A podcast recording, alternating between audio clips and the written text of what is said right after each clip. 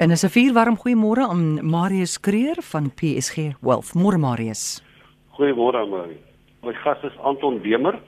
Hy's 'n sielkind, 'n kliniese sielkundige van Stellenbosch. Ehm um, mense hoor hom ook dikwels op ehm um, WSX. So Anton, welkom uh, vanoggend die eerste keer saam met my hierso. Ek het gedink om 'n bietjie vanoggend te praat oor mense se reaksies en hoe mense optree. Ek dink veral in tye van krisisse. Sien my ervaring afgelope 30 jaar het dikwels my gewys hoe beleggers optree tydens krisisse en gebeurtenisse uh, rondom die krisis hulle beleggings negatief beïnvloed. Ehm uh, want tydens hierdie krisis is gewoonlik baie onsekerheid oor die toekoms wat beleggers paniekbevange maak en hulle wil dan vlug na 'n veilige hawe met hulle geld. Mense verstaan dit. Hulle onttrek dikwels hulle fondse uit markte uit en in effekte trust uit en belê dit in die bank of vir geldmark aangesien dat daar geen kapitaalverliese is nie.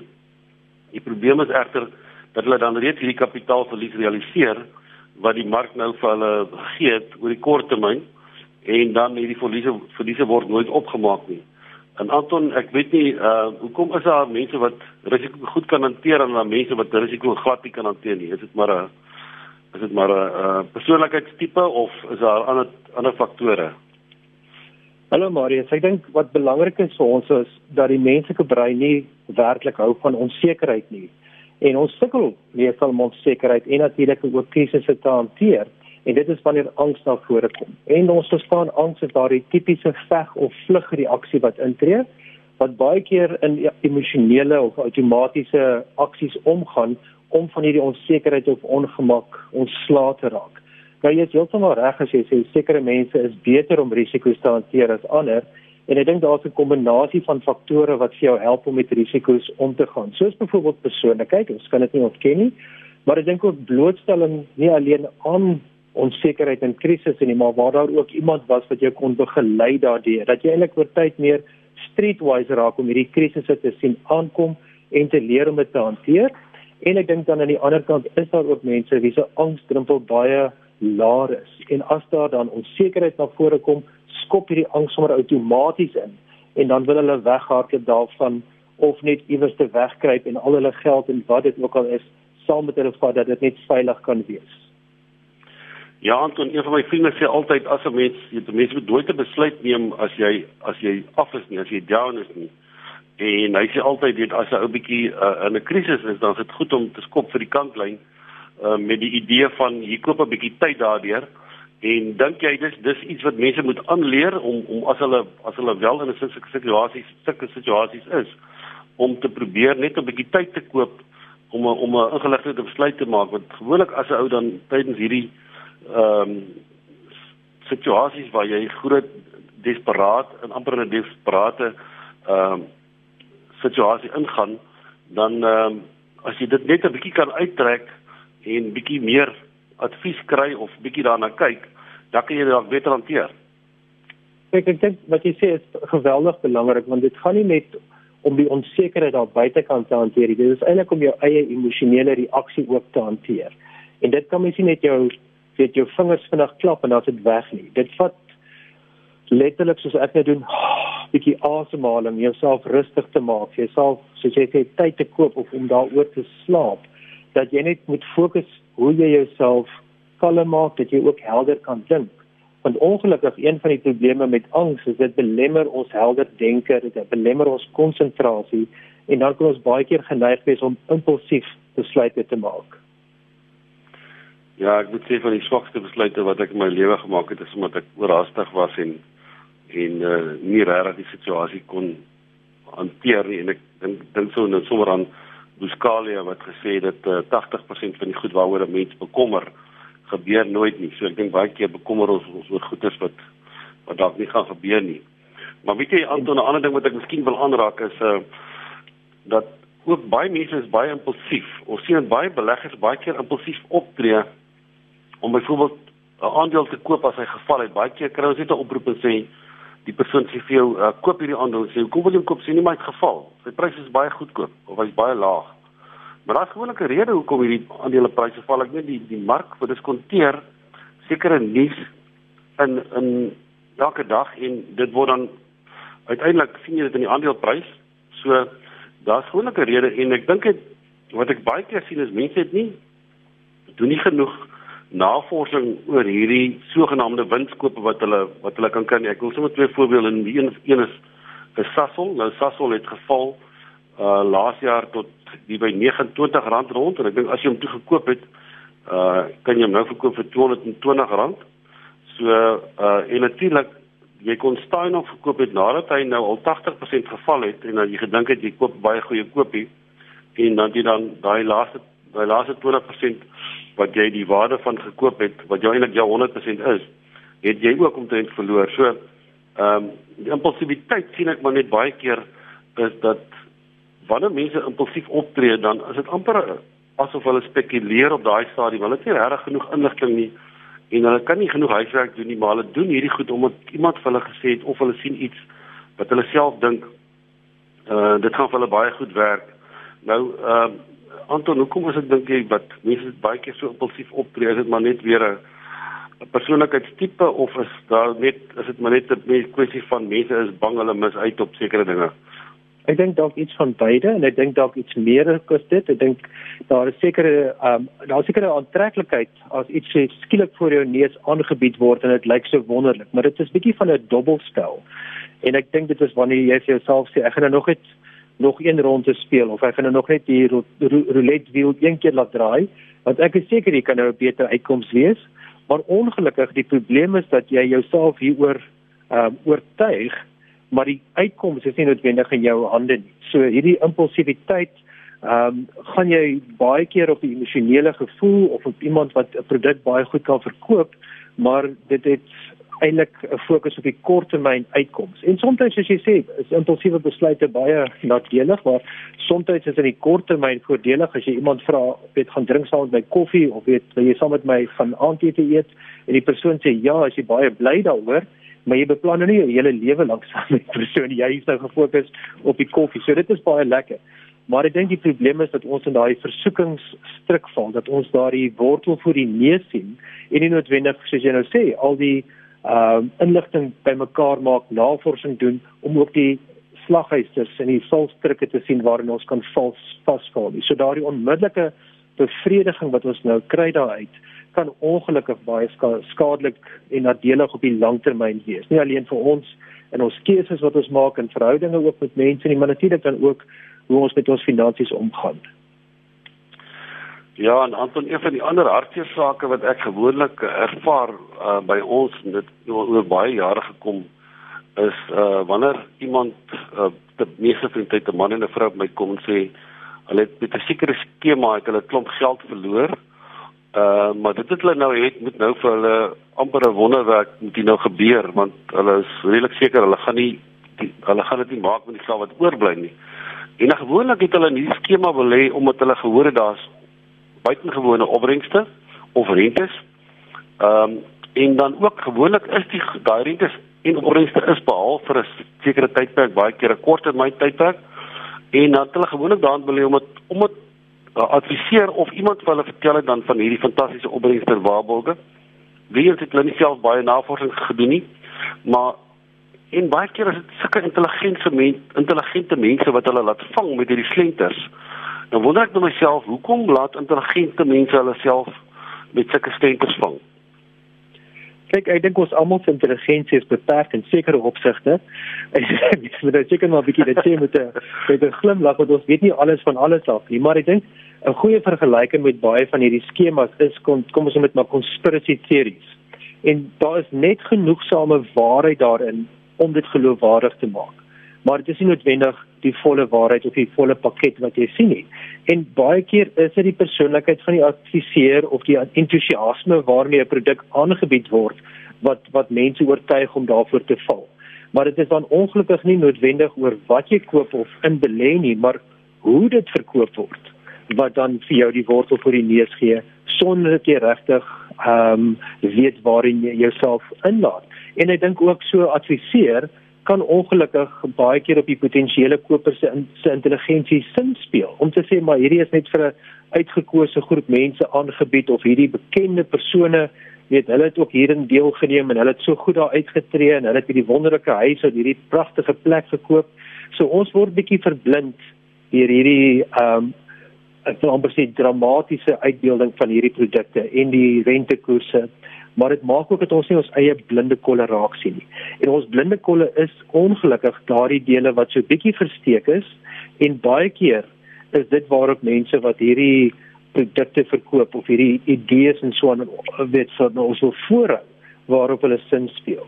Maar die probleem weer eens is dat dat jou intelligensie in baie ander opsigte dalk baie goed mag wees en jy baie slim mag wees, maar hierdie is een of twee slenters weet werk hulle net op hierdie seerpuntjie of sagte puntjie van jou dat jy dan nou sommer nou met alles hier ingaan sonder dat jy dalk verdere navorsing gedoen of meer kundige advies gekry het oor wat is dalk 'n meer gebalanseerde uh pad vorentoe as om net met hals oor kop in hierdie produk in te gaan.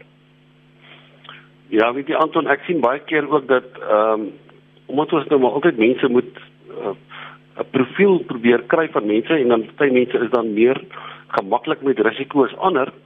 En een van die interessante navorsing wat hulle gedoen het is gaan oor 'n uh, sogenaamde gebalanseerde fonds nou net om miskien te verduidelik 'n gebalanseerde fonds is 'n fonds wat plus minus 65 70% aandele in het en dan ook geldmarkinstrumente, kapitaalmarkinstrumente, miskien 'n bietjie buitelands, miskien 'n bietjie uh, eiendom. Terwyl 'n aandelefonds is 'n fonds wat net in aandele belê en as jy na die geskiedenis kyk, het die fondse wat ehm um, die aandelefondse het as jy nou 10 of 12 of 15 jaar termyn kyk, het beter gedoen as die gebalanseerde fondse tradisioneel. Uh dit moes beter want hulle het meer aandele. Maar die beleggers in die in die gebalanseerde fondse het beter gedoen as die as die beleggers in die aandelefondse en die rede daarvoor is die mense wat aandelefondse kies is meer gemaklik om risiko te neem. Maar omdat hulle maklik is om risiko te neem, wil hulle ook self daai risiko bestuur. En hulle maak dan langs die pad probeer hulle dan uh met die aandelebeurs probeer hulle dan in die mark ingaan en die mark uitgaan, koop die fonds, verkoop die fonds en in hierdie proses maak hulle soveel foute dat hulle spesifieke opbrengs dan eintlik swakker is as die persone wat in gebalanseerde fondse belê want tradisioneel is die mense wat daarin belê is gewoonlik mense wat sê ek kan dit nie self bestuur nie ek gee dit vir iemand om te bestuur en ek gaan net nou nie aan hierdie geld vat kom ons sê vir die volgende 10 jaar nie. Ehm um, en dit is eintlik baie interessant dat mense wat ehm um, ehm um, self aandele koop probeer eintlik dan nou baie slim wees en die gevaar is baie keer dat baie keer ehm um, kom jy agter as dit is eintlik was eintlik vir jou maklik geweest om geld te maak. Jy het iets gekoop en dit het eintlik fantasties gewerk. Uh iemand sê dat as die gety inkom dan styg al die bote. En dan voel dit baie keer dat jy so optimisties raak dat jy voel maar jy kan eintlik nou hierdie goed self hanteer. Ehm um, en dit voel net vir my is dit dat daar baie keer mense is wat hulle eie vermoë oorskat of amper 'n oordadige optimistie optimisme het uh, wat tot hulle eie nadeel kan wees. Ja, ek dink dit is 'n baie interessante opmerking en ek hou van jou metafoor van die bootjies wat met die gety opgaan en weer sakke, ehm um, en dalk op die sand gaan lê as die gety nou vir lank uitbly. Ek dink 'n uh, interessante ehm um, verskynsel is dat ons al meer gebombardeer word met hierdie idee dat jy enigiets kan doen of enigiets kan word wat jy graag wil. So as jy enige talentkompetisie op uh, televisie kyk of dit nou gaan oor sang of dit nou gaan oor kos maak of huise restoreer, weet jy die idee word baie baie bekend en as jy jou hart daarop sit en weet as jy nou hard werk, dan kan jy dit doen. Maar ongelukkig dink ek kom dit met die mispersepsie dat dit dit nie noodwendig ervaring of kennis neem nie. En ek dink daardie is bestanddele wat so belangrik is as ons iets aanpak of dit nou gaan oor finansies of eintlik enigiets anderste wat wat ons graag wil doen. Maar ek dink in die tweede plek dit is tog mos lekker om sukses te behaal. So ek dink die idee van jy kan suksesvol wees deur jou eie aandele te koop en te verkoop klink eintlik opwindend vir baie mense. Ehm um, asof dit 'n speletjie is en waar jy iemand anders te moet uitoorlê. Maar soos ons maar weet, ongelukkig is dit 'n klomp ander vaardighede wat jy ook benodig om finansiëel fiks te wees of jou finansiële kennis moet fiks word. En net net soos met fisiese fiksheid neem dit mos maar tyd en ook oefeninge. Ek dink ook 'n belangrike punt is dat daar soms 'n wantroue kan wees in wie is in beheer van hierdie gebalanseerde fondse. En ek dink as as jy deur jou lewe gegaan het en nooit regtig aandag gegee het aan finansiële markte en so voort nie, kan dit dalk heeltemal 'n onbekende idee vir jou wees. Ehm um, en en jy mag dalk voel ek wil eerder self beheer vat as om beheer in iemand anders se se hande toe te weet toe te laat en ehm um, ek is onseker oor wie beheer vat en hoe die markte werk. Ehm um, so ek wil eerder uitklim en en self beheer van daarvan en ongelukkig is dit dan wanneer dinge baie verkeerd kan gaan. En ek dink ook iets wat jy 'n bietjie vroeër gesê het, daar is ook soms hierdie vrees om uit te mis. Weet mense sê vir jou, "Jesus man, hierdie klink nou so 'n oulike portefeulje of hierdie nuwe aandele, dit doen so vreeslik goed." Ehm um, en jy wil nie later voel iemand gaan vir jou sê maar ek het jou mos gesê jy moes dit gedoen het nie of jy het vir jou so half laat sleg voel of verleef voel omdat jy nie hulle raad gevolg het nie. En ek dink ook hierdie vrees om uit te mis maak dat mense soms impulsief optree of meer beheer vat as wat hulle regtig moet vat of nie noodwendig altyd 'n goeie begrip het in terme van waar is hulle eie perke as dit kom by kennis en ervaring wat betref finansiële markte nie. Ja, weet jy, ons probeer altyd ehm um, uh, in 'n in die ons sê altyd die, die daar's 'n beleggingsproses en as die mense die proses verstaan dan dit maak hulle baie rustiger want die proses beskerm jou oor die lang termyn en dit is vir ons ontsettend belangrik as ons nuwe kliënte kry om seker te maak hulle verstaan die beleggingsproses want as hulle dit nie verstaan nie dan weet hulle nie wat doen nie met hulle geld nie en dan verstaan hulle sekere goed glad nie as daar met markte as markte val ensovoorts of en die rand versterk of verswak of wat ook al nie. Maar as hulle die proses verstaan dan dan help dit gewoonlik. Maar wat ons agterkom is die oomblik as daar 'n krisis is, dan wil mense vergeet van die proses of baie van hulle vergeet van die proses. Ehm uh, en dan wil hulle maar net weer weer na 'n veilige hawe toe gaan. Maar ons vind ook uit dat hoe meer beleggers die proses verstaan, hoe meer is hulle gemaklik ehm um, en as hulle in, goed ingelig is raak die raak in die beskerming van die proses dan raak hulle meer rustig. Maar dit lyk net vir my uh ten spyte van die feit dat mense kan uh die inligting hê en die proses proses verstaan, is daar tog maar mense wat net tradisioneel of standaard net nie risiko-avers is. En Anton, as ek nou moet sê tussen mans en vrouens, dan is mans maar lyk like my meer geneig om 'n bietjie risiko te neem as vrouens. Oor die algemeen uh vrouens sê gewoonlik ehm uh, hierdie geld kan ons nie verloor nie. Ons ons kan geen risiko vat met hierdie geld nie, ten spyte van die feit dat sonder risiko gaan dit dalk ook nie maak nie. Maar dit lyk net vir my asof miskien is dit ook 'n uh, ook tussen tussen geslagte uh dat mense verskil oor hoe hulle oor risiko dink of anders is dit maar net die manier hoe mense oor die algemeen risiko dink dat die oomblik as hulle 'n bietjie paniek bevange raak dan dan wil hulle weghardloop. Hmm. Ek dit ook so geslagte as jy dink in terme van motorbestuur ook, maar ek dink dalk dalk pros kontroversieel raak as ons praat oor wie voel meer. Ehm um, met meer selfvertroue agter motor se stuurwiel. Maar ek dink 'n belangrike woord wat jy daar sê Marius is die woord vergeet. En ons moet weet dat in 'n tyd van krisis of onsekerheid of as ons geweldig angstig raak oor iets, dan werk ons brein anderste. En dan verander die manier van hoe ons dink. Ons sien ook nie fisies meer die groter prentjie nie. Ons fokus in op dit wat ons bang maak of dit wat ons onseker maak. En ek dink daarom is hierdie hele verstaan proses so belangrik om mense baie meer bloot te stel van hoe markte werk of hoe die rand op en af gaan ensovoorts. Want ek dink ongelukkig in tye van van risiko is dit nie net ons manier van dink wat verander nie. Jou liggaam skei op sekere hormone af. Jy word voor vol kortisol en adrenalien gepomp en dan wil jy nou ewe skielik vinnig optree om net die kom ons sê die vuur te blus.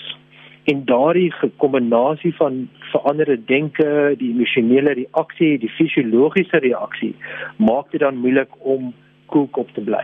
En ek dink dit is om weer eens as jy iemand kan dalk hulle finansies baie goed bestuur en baie intelligent wees in daardie opsig, maar vra nou vir daardie persoon om by die jaar in funksie 'n toespraak te maak of selfs iets te sing nou ewe skielik sien jy hoe daardie persoon se gesig heeltemal grys en vaal word want hulle het nie noodwendig die selfvertroue om dit te doen nie. So dit sal vir hulle baie meer paniekerig raak maak, maar hulle sal baie meer selfvertroue hê as dit kom om nou die ehm um, die finansiële ehm um, uitleg te lewer by 'n vergadering. Ek dink die belangrikheid, soos ek net ook gesê het, as dit kom by risiko en om paniekerig te raak. Dit gaan oor hierdie problematiese emosies wat na vore kom. En 'n belangrike aspek is dan om hierdie verstaan te gebruik waarna jy verwys, maar tweedens ook om te erkenning te gee aan hierdie emosies wat na vore kom en dan ook soos jy sê, soveel van die bekommernisse wat daarmee saamgaan, want 'n groot deel hiervan gaan oor vrees vir verlies dat ons geld of beleggings mag verloor of ook dat ons op 'n manier gaan val dat ons met ander woorde vir ons gesin of ons aftrede wil beplan maar daar gaan een of ander probleem kom en dan gaan ons val in hierdie poging van ons en ons wil dit probeer vermy. So ons negatiewe reaksie is eintlik dan eintlik die die vrees wat ons het. En veral as jy al van tevore jou vingers verbrand het, gaan jy dalk baie meer versigtig wees om nie weer jou vingers te verbrand nie aan die een kant maar tog is daar ook mense en ek dink daar is ook 'n bietjie persoonlikheidsverskil wat na vore kom wat dalk baie meer impulsief gaan wees.